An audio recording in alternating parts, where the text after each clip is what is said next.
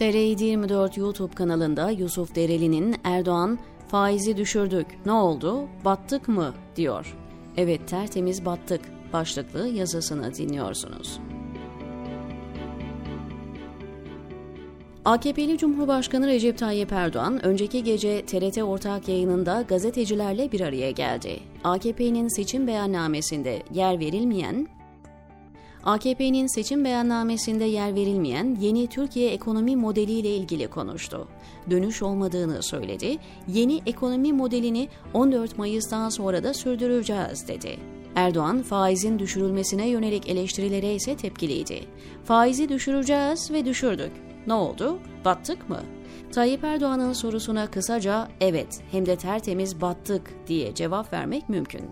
Zira eldeki veriler yeni ekonomi modeli sonrası rakamların tepe taklak olduğunu, halkın alım gücünün her geçen gün azaldığını, enflasyonun patladığını, TL'nin en değersiz dönemini yaşadığını, dış ticaret açığının patladığını, cari açığın rekor üstüne rekor kırdığını gösteriyor.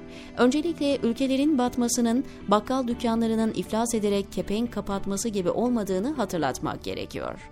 Borçlarını ödeyemez hale gelen ülkeler moratorium ilan ediyorlar borçları yeni faiz oranlarıyla yeniden yapılandırılıyor.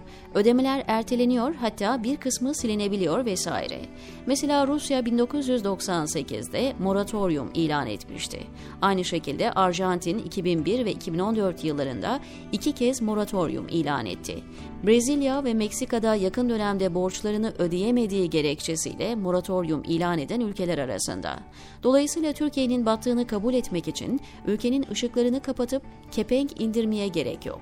Makroekonomik verilere bakmak yeterli. Tayyip Erdoğan'ın enflasyonun sebebinin faiz olduğu teziyle 2021 yılı Eylül ayında faiz indirim rallisine başladığında enflasyon %19,25'ti. Faiz ise %19'du. Erdoğan'ın tezine göre faizler indirilince enflasyon da düşecekti. Ayrıca TL değersizleştiği için dış ticaret ve cari açık sorunu da ortadan kalkacak, cari fazla verilecekti. Bütün bunların sonucu olarak üretim artacak ve işsizlik azalacak, halkın refah seviyesi yükselecekti. Peki öyle mi oldu? Faiz indirimiyle birlikte TL hızla değer kaybetmeye başladı, dolar patladı, girdi maliyetlerinin artışıyla birlikte enflasyon tavan yaptı ve %85'lere tırmandı. Bugün yıllık enflasyon TÜİK'in rakamlarına göre bile %50,51. ENAK'a göre ise yıllık enflasyon %112,5.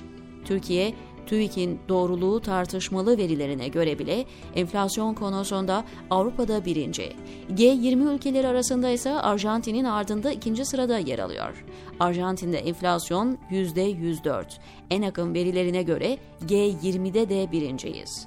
Avrupa Birliği üye ülkelerinin enflasyon oranları ise %7 ila 10 arasında değişiyor.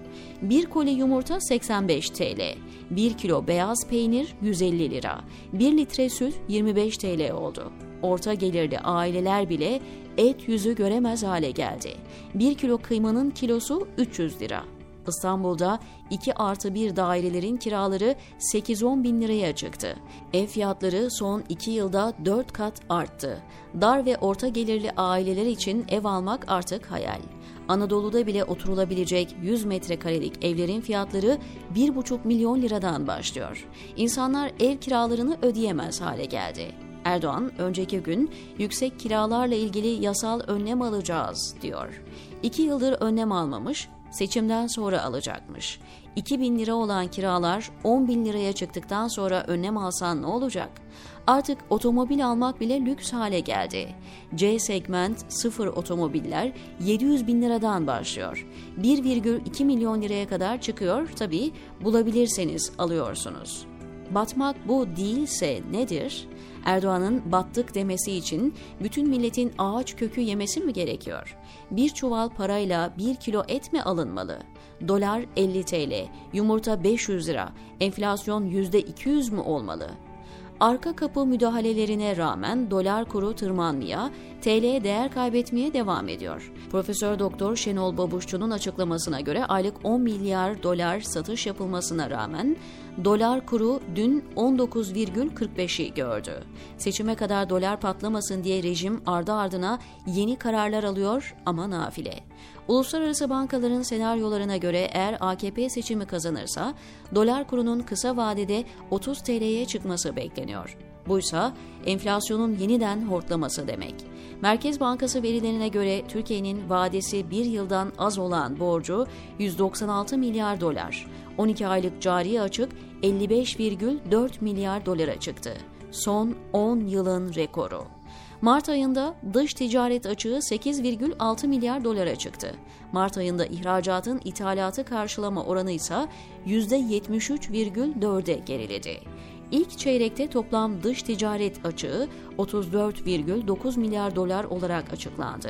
Bu açık son 10 yılın en yüksek açığı olarak kayda geçti.